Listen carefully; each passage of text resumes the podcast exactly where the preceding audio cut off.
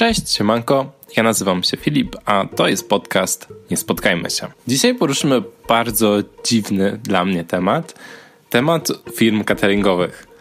O ile rozumiem, że można zatrudnić firmę cateringową do jakiejś wynajętej salki albo do jakiegoś innego miejsca, gdzie robi się imprezę, ale zaproszenie firmy cateringowej do własnego domu budzi u mnie duży niepokój. Po pierwsze, ci pracownicy, oni są przyzwyczajeni do, do pracowania w profesjonalnej jakiejś kuchni. I jeśli oni by zobaczyli moją kuchnię, to pod żadnym pozorem nie uznaliby jej za profesjonalną. Zawsze mam tam straszny syf. Jakby Magda Gesser tam weszła, to by po prostu zrobiła jeden wielki gnój i zamknęła mi dom. Także dzisiaj skupiamy się na historii o Creepie z firmy cateringowej. Napisała ją na subreddicie 8 miesięcy temu użytkowniczka Frantic Sleder i później będę ją nazywał po prostu Frantic, bo często jest używane jej imię i no tak się mniej więcej przedstawiła w tej historii, więc tak będę ją nazywać.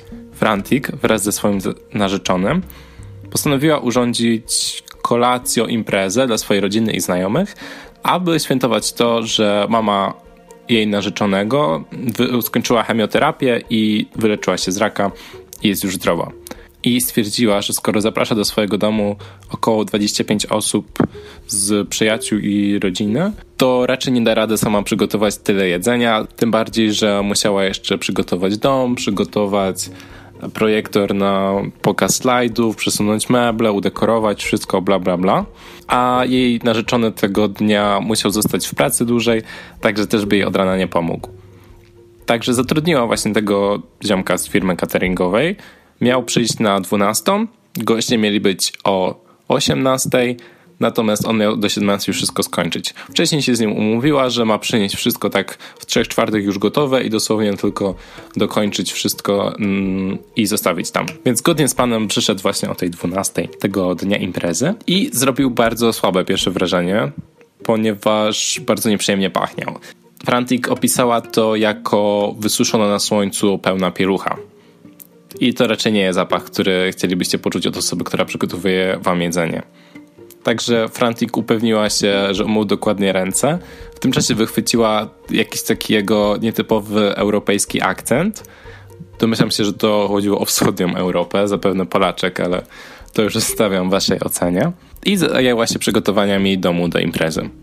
I tak naprawdę, jak opisuje co chwila, słyszała jakieś różne pytania i wezwania do tej kuchni w stylu wolisz to z papryką czy bez, tutaj dać więcej tego czy tego, i ona po prostu zbywała te wszystkie pytania, że jak uważasz, daj ile chcesz, a on nie, musisz tu przyjść, spróbować, żeby później nie było. No i cały czas ją tam przeszkadzał jej coś tam, o coś ją wołał. No i dochodzi już godzina 17. Także miał już dobre 5 godzin, gdzie no, miał tylko zrobić jedną czwartą wszystkich przygotowań, także powinien już dawno skończyć. I ona delikatnie mu daje znać, że raczej chciałaby, żeby sobie poszedł nim dojdą pierwsi goście, bo kuchnia była w centrum domu po prostu i charakter takiej imprezy jest raczej dość intymny, no i nie chce się, żeby obcy ludzie sobie chodzili po naszym domu w tym czasie. On mówi, że okej, okay, okej, okay, już prawie kończę, daj mi jeszcze chwilę. I mam godzinę 17.45 i przechodzą już pierwsi goście. Nie wiem jak wy, ja jak, jeśli kogoś lubię, to też staram się przyjść chwilę wcześniej, żeby ewentualnie, nie wiem, pomóc w przygotowaniach, podnieść kogoś na duchu, jeśli stresuje imprezą. Jeśli naprawdę macie przyjaciół, którzy robią imprezę jakąś dużą i się nią stresują, przyjdźcie wcześniej, pomóżcie im, podnieście ich na duchu, wypijcie z nią pierwszego shota. To jest naprawdę dobry pomysł.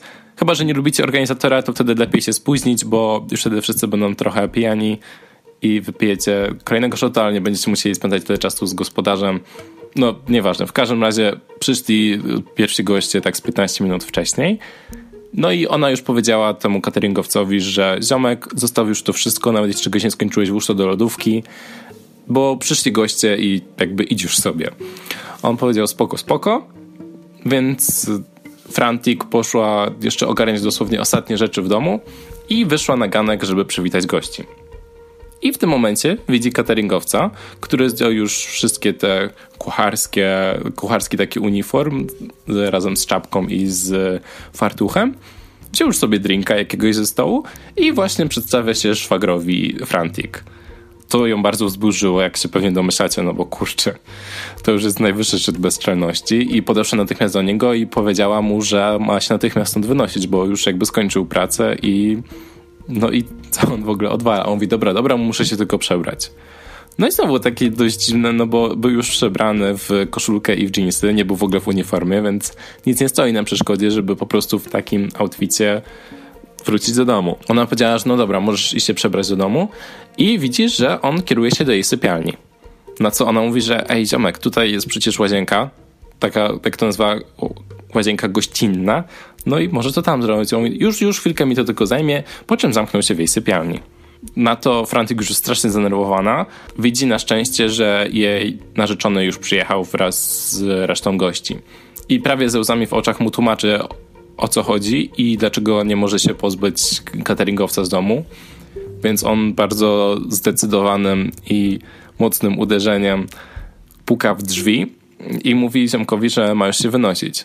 Na co on otwiera drzwi sypialni, w ogóle nie przebrany, cały czas w tych samych ciuchach i patrząc z takim, wiecie, spojrzeniem oceniającym na narzeczonego narratorki, mówi no to jest dom Frantic, więc nie wydaje mi się, że nie jesteś ty osobą, która będzie mi mówić, czy ma się wynosić, czy nie. Na co narzeczony Frantic mówi, że to jest też jego dom i że jestem narzeczonym Frantic. Przy czym to nie było jakieś trudne do zgadnięcia, bo wcześniej Frantic tego faktu w ogóle nie ukrywała i też w całym domu były porozwieszane ich wspólne zdjęcia, więc nie trudno było się tego domyślić. Ale najwyraźniej pan cateringowiec na to nie wpadł, ponieważ dosłownie wpadł wtedy w szał. Zaczął wyzywać Frantic od wszystkich najgorszych słów. Zaczyna na nią krzyczeć, mówiąc, że przecież ona go okłamała, jak tak mogła, i wchodzi do kuchni i zaczyna rzucać całe przygotowane przez siebie jedzenie na ziemię. Na co już narzeczony, razem z dwójką braci, którzy wszyscy byli takimi rosłymi, dużymi chłopami, przy czym ci bracia jeszcze grali w futbol amerykański w jakiejś tam lidze uniwersyteckiej, wzięli go po prostu za szmaty i wyprowadzili przed dom. Frantic była na tyle roztrzęsiona tym wszystkim, na tyle zaniepokojona ziomkiem z firmy cateringowej, że stwierdziła, że wyrzucają to całe jedzenie, które przygotował i po prostu zamówią pizzę. No i reszta imprezy tak naprawdę przebiegła bez większych problemów. Pod koniec, kiedy już wszyscy się zmieli, Frantik razem z narzeczonym i z jego braćmi stwierdzili, że pojadą jeszcze na miasto się trochę napić. Wrócili tak około trzeciej nad ranem i położyli się spać. O piątej rano słyszą, że drzwi ich domu się otwierają. I pierwsza myśl Frantic, bo to ona pierwsza się przebudziła, była taka, że po prostu byli zbyt pijani, zapomnieli zamknąć drzwi i wiatr je otworzył. Z tym, że sama do końca w to nie wierzyła, no bo wiatru nie było te, tej nocy i raczej zawsze pamiętają o zamykaniu drzwi. Druga myśl była taka, że jeden z braci jej narzeczonego, który miał klucze do domu, po prostu zapomniał portfela czy czegoś innego z imprezy i musiał się po niego wrócić. Ale też nie za bardzo sama zdołała siebie przekonać, ponieważ jej szwagrowie byli w dość ciężkim stanie, kiedy już się z nimi żegnali i raczej by o 5 rano nie jechali autem tylko po to, żeby się wrócić po portfel. Dlatego budzi swojego narzeczonego i mówi mu, że chyba ktoś jest z domu. Na co on zbywają tymi samymi argumentami, którymi ona próbowała sama przed chwilą siebie przekonać.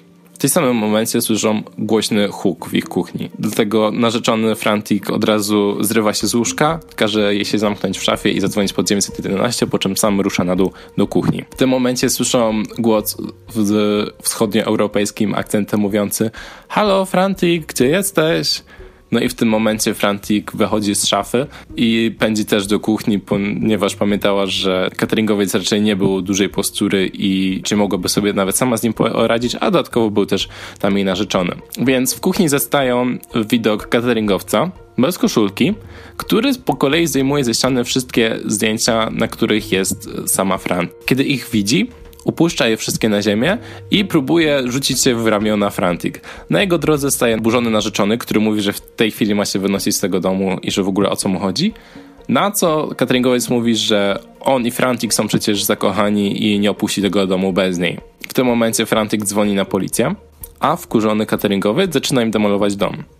Zaczyna od tego, że zrzuca ze wszystkich ścian ich wspólne zdjęcia, Swoją drogą ciekawe, że w tym domu naprawdę sporo zdjęć, bo najpierw było ich dużo w domu, po prostu było, było wspomniane o tym w historii. Później parę z nich cateringowe zdołał sobie zdjąć i trzymać sobie na rękach, a teraz jeszcze zaczął zrzucać kolejne. Także zakładając, że to chwil, jednak wszystko chwilę trwało, to musieli mieć naprawdę sporo zdjęć w domu. Ale dobra, nie oceniam. Kiedy już skończył bawić się ze zdjęciami, poszedł do kuchni i ją również zaczął demolować. I w pewnym momencie do jego ręki wpadł nóż nóż duży Bożyźnicki. Na szczęście w tym samym momencie pod dom podjeżdża policja i wchodzą do domu. Każą cateringowcowi rzucić nóż na ziemię i się podać, na co on znowu krzyczy, że razem z Frantic są zakochani i że nigdzie się bez niej nie wybiera. Tak nawet tematycznie teraz słyszę, że jedzie gdzieś karetka pogotowia albo policja no więc możecie sobie wyobrazić, że sam dodałem tutaj ten dźwięk, który ma właśnie ilustrować to, że policja podjechała pod dom. Funkcjonariusze więc widząc, że jakby żadne pertraktacje nie dają efektów, po prostu porazili go paralizatorem. I pytają się przestraszonych Frantik i jej narzeczonego,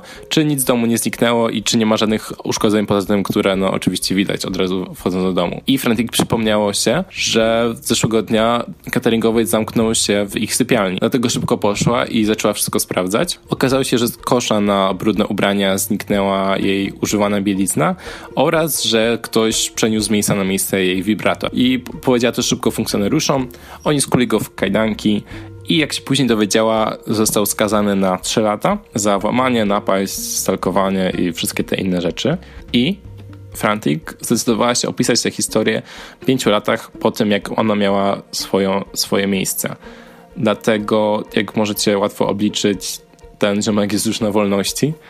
Także uważajcie, jeśli kiedykolwiek, czy w Polsce, czy w Stanach będziecie zamawiać jakąkolwiek firmę cateringową, bo może się to dla was dobrze nie skończyć. No i oczywiście Frantik zakończyła swoją historię klasycznymi słowami Panie cateringowcu, miejmy nadzieję, że się nie spotkamy. I to był podcast Nie Spotkajmy się, a my spotkajmy się w kolejnym odcinku.